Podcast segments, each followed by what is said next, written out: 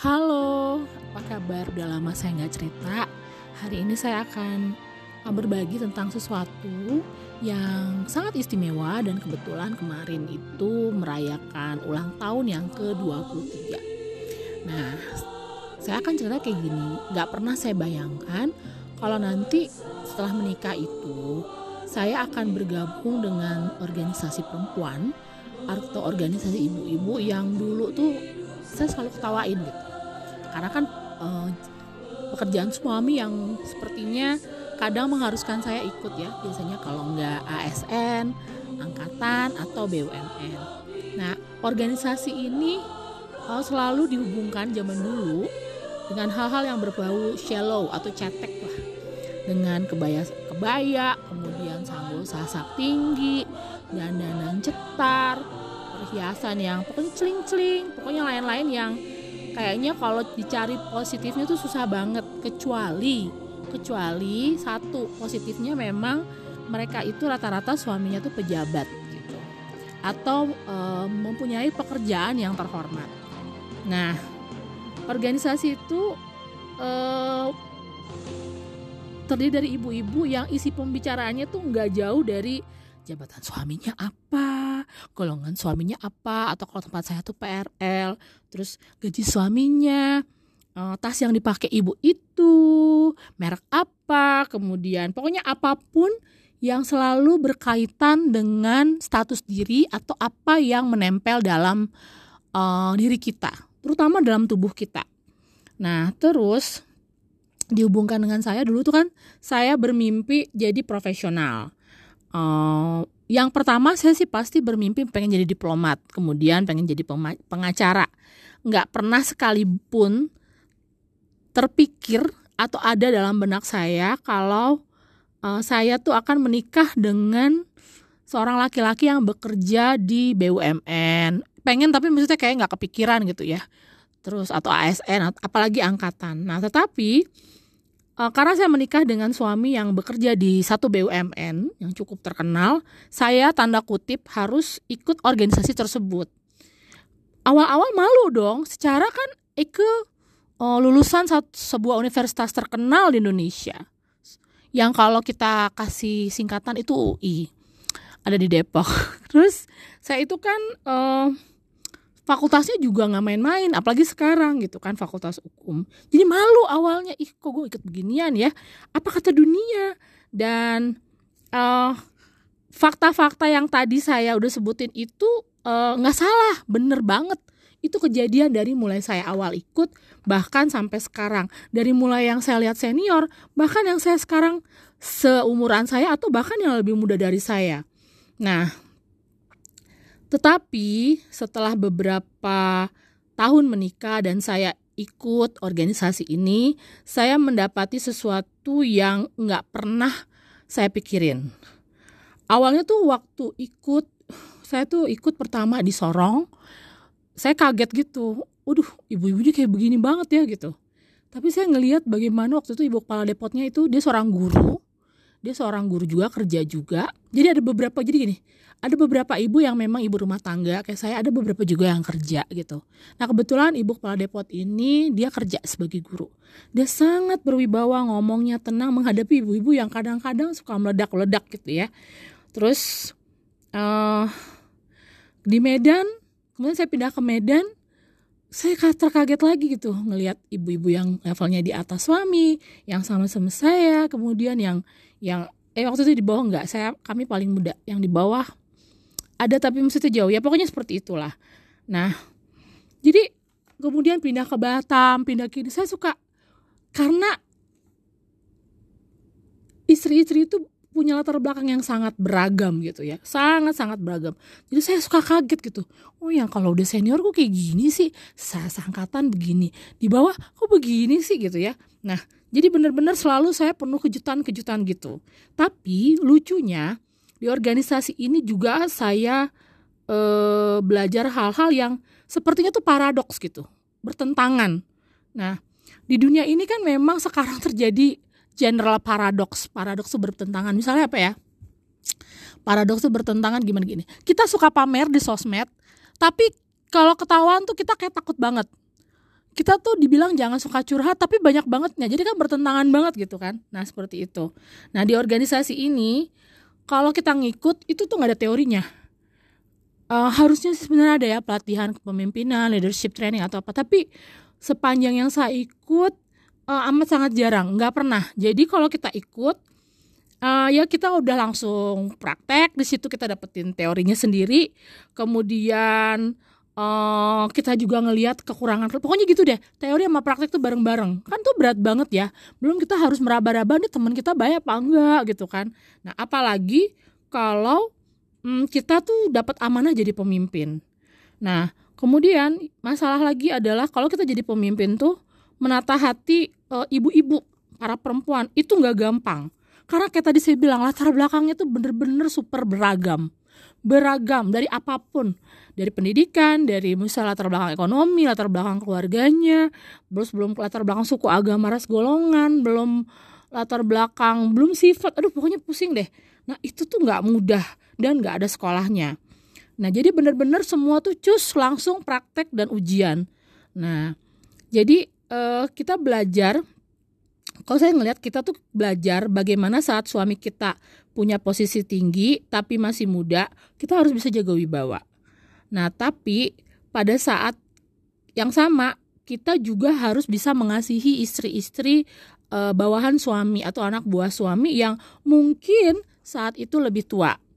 Nah, saat kita harus bisa bersikap tegas dengan gaya moderat, e, pokoknya gini, di situ tuh saat kita jadi anak buah misalnya, uh, kita bisa belajar berbagai tipe pemimpin.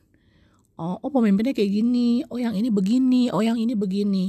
Nah itu tuh bisa jadi pelajaran kita kalau nanti kita jadi pemimpin. Jadi pemimpin tuh nggak mudah gitu. Kita harus bisa, kayak tadi saya bilang, uh, tegas tapi moderat.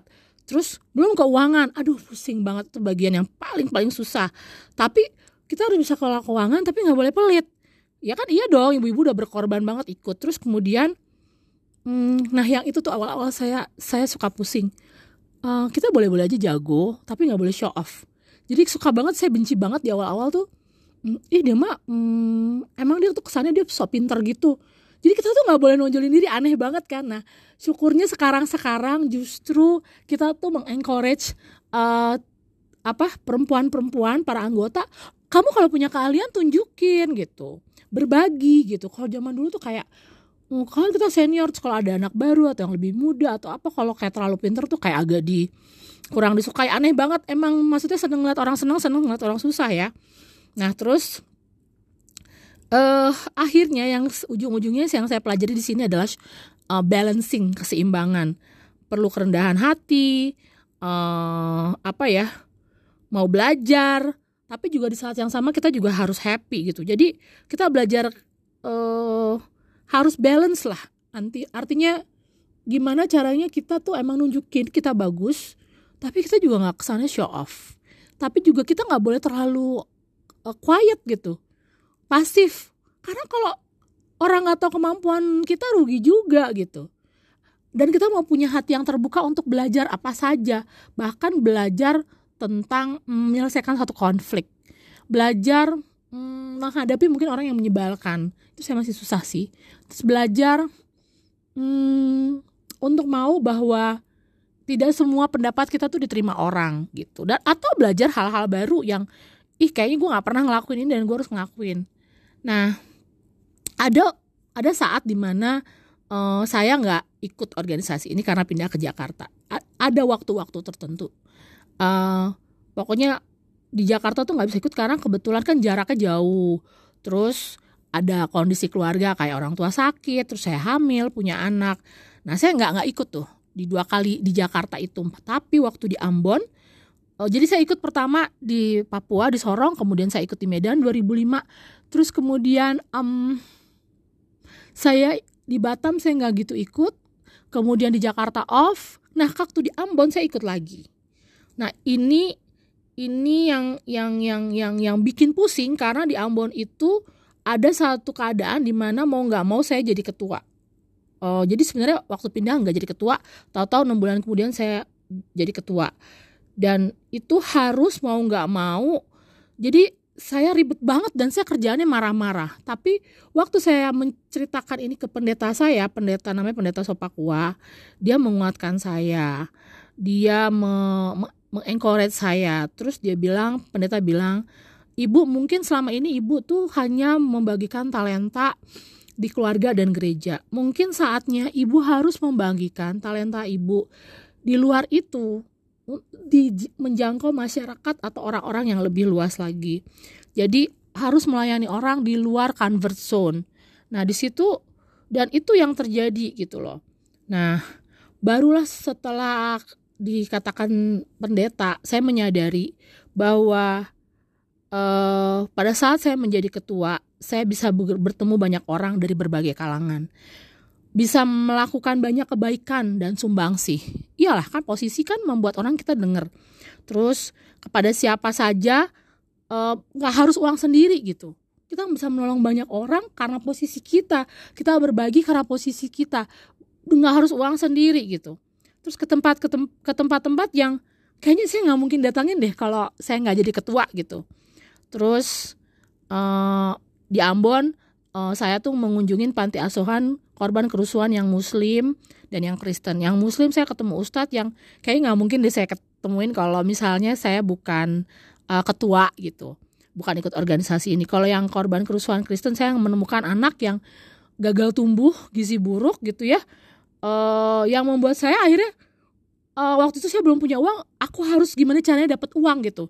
Dan Tuhan tuh kasih jalan melalui media sosial gitu. Jadi jadi um, apa ya betul-betul uh, banyak hal yang yang saya ngeliat oh hanya karena ikhlas ikut organisasi ini uh, saya bisa belajar banyak hal gitu nah kemudian uh, akhirnya itu juga menuntun hal lain waktu itu ada safari ramadan dari GM suami juga nggak nggak pusing gitu nyari nyari panti asuhan dia tinggal tinggal kemarin kamu pakai panti asuhan apa aja nah suami tugasnya beres panti asuhan itu kan dapat jadi karena safari Ramadan, jadi gantian yang Muslim itu yang akhirnya prioritas. Dan mereka senang. Jadi yang mereka butuhkan kan bisa bisa kita bantu gitu ya.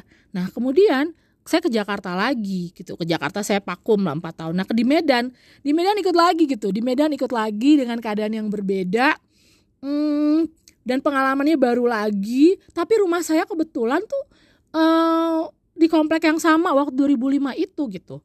Nah di sini kan kalau dulu tuh saya benar-benar masih anak buah banget, masih muda. Di sini kan istilahnya suami udah naik level.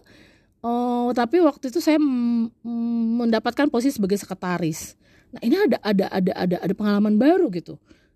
Saya bisa ke tempat-tempat bencana yang lebih luas daripada di Ambon. Contohnya ke desa nelayan di uh, Belawan.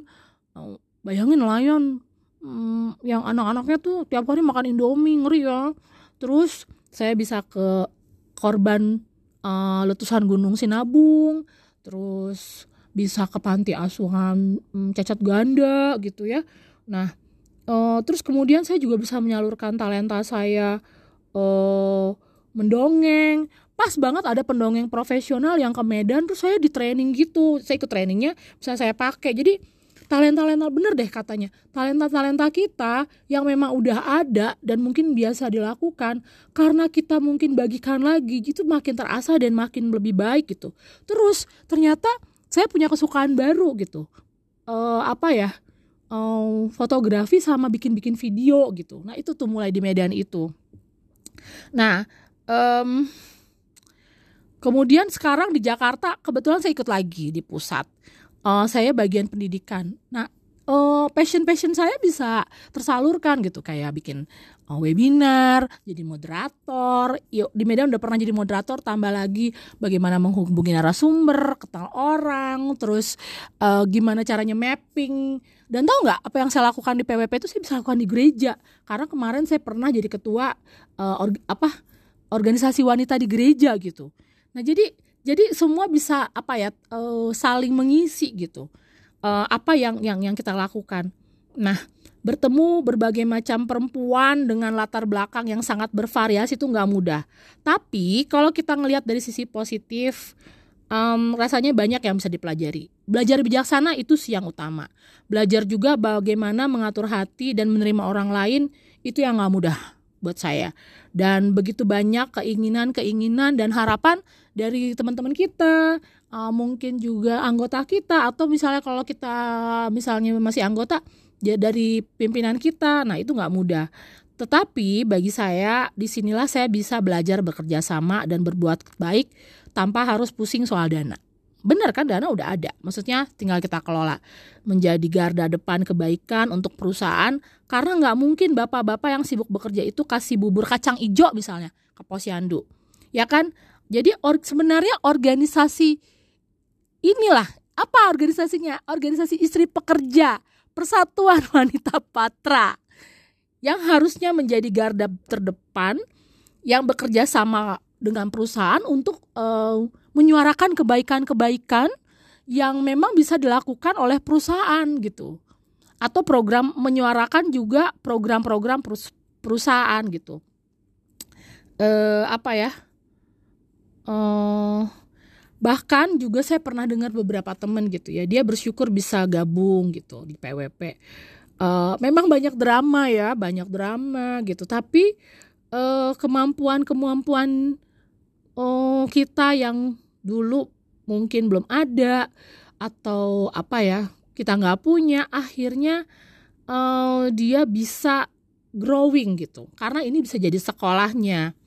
Nah bagi saya uh, di sini juga gitu tempat kecintaan akan wastra nusantara itu tumbuh. Pakai ke baju kebaya pakai kain-kain daerah tuh menyenangkan gitu. Justru kan di acara-acara di organisasi kayak PWP gini atau tempat lain Dharma Wanita atau DWP nggak tahu apa ya. Nah terus bagi saya tuh menyenangkan gitu loh kalau dandan cantik, sasak tinggi sekarang seneng gitu. Kayaknya nggak pede deh kalau nggak sasak karena kan saya mukanya agak gemuk ya bulat.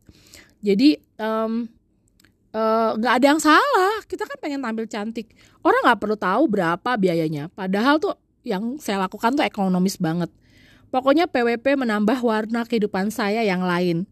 Dan itu tuh benar-benar menyenangkan. Uh, kayak sekarang tuh lebih ke digital gitu. Saya ngelihat uh, saya menjadi admin gitu.